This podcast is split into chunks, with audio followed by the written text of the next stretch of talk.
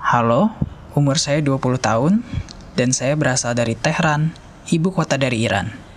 Saat ini, saya tinggal di Makassar.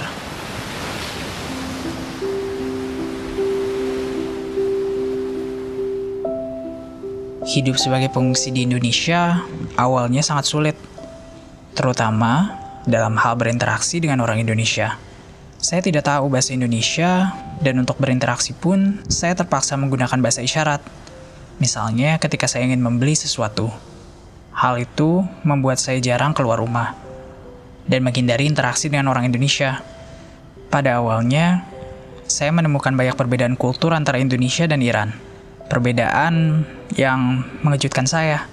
Mulai dari perbedaan bentuk bangunan, berbagai kendaraan yang ada di jalan raya, dan bahasanya. Rumah-rumah di Makassar biasanya dibangun dengan dinding yang rendah dan agak terbuka. Jauh berbeda dengan rumah-rumah di Iran yang dibangun dengan dinding yang cukup tinggi. Saya pun terheran-heran ketika kendaraan beroda dua banyak saya lihat di jalanan. Di Iran sendiri, orang lebih suka menggunakan mobil.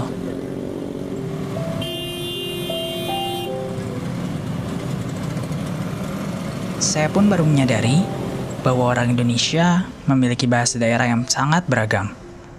Contohnya, bahasa yang digunakan di Kupang itu sangat berbeda dengan bahasa yang digunakan di Makassar, baik kosakata maupun aksennya. Pada saat itu, saya tidak mengerti sama sekali apa yang orang Makassar katakan, walaupun saya sudah belajar bahasa Indonesia di Kupang.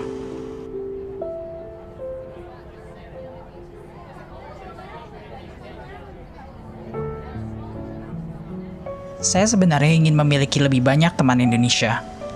Apalagi saya sudah tinggal bertahun-tahun di sini. Akan tetapi, itu tidak memungkinkan. Bukan karena saya tidak mau, tetapi karena saya mendapatkan banyak hambatan secara hukum yang berkaitan dengan status saya sebagai pengungsi.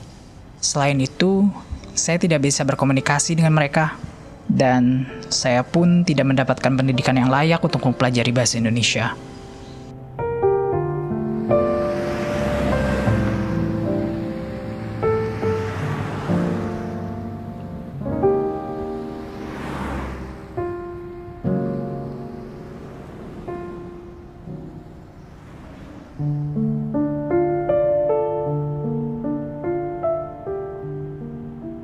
Selain kesulitan dalam berkomunikasi, kami sebagai pengungsi juga mengalami kesulitan dalam hal keuangan.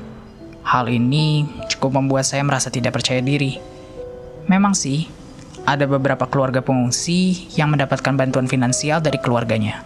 Bantuan yang diberikan sebenarnya tidak terlalu banyak, hanya cukup untuk kebutuhan utama seperti makan sehari-hari. Namun, banyak pula di antara kami yang tidak mendapatkan bantuan apa pun sehingga sering kali kami harus mengemis di jalanan untuk makan hari itu. Malah terkadang, ketika saya kehabisan uang, saya hanya akan berdiam di rumah seharian.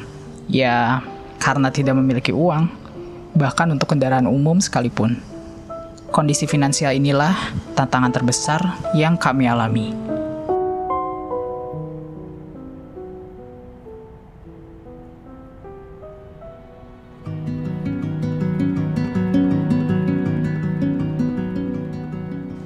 Untuk menghabiskan waktu luang, saya sering bermain dengan teman-teman pengungsi lain di rumah mereka. Karena dengan mereka, kami saling mendukung dan mengerti keadaan satu sama lain. Selain itu, sama dengan kalian juga, saya menggunakan waktu senggang untuk bermain video games, menonton televisi, mendengarkan podcast, dan membaca buku. Oh iya, buat teman-teman yang mendengarkan, saya juga mau merekomendasikan salah satu buku yang baru-baru ini saya baca, yaitu 1984 dari George Orwell. Silakan mencari dan selamat membaca ya.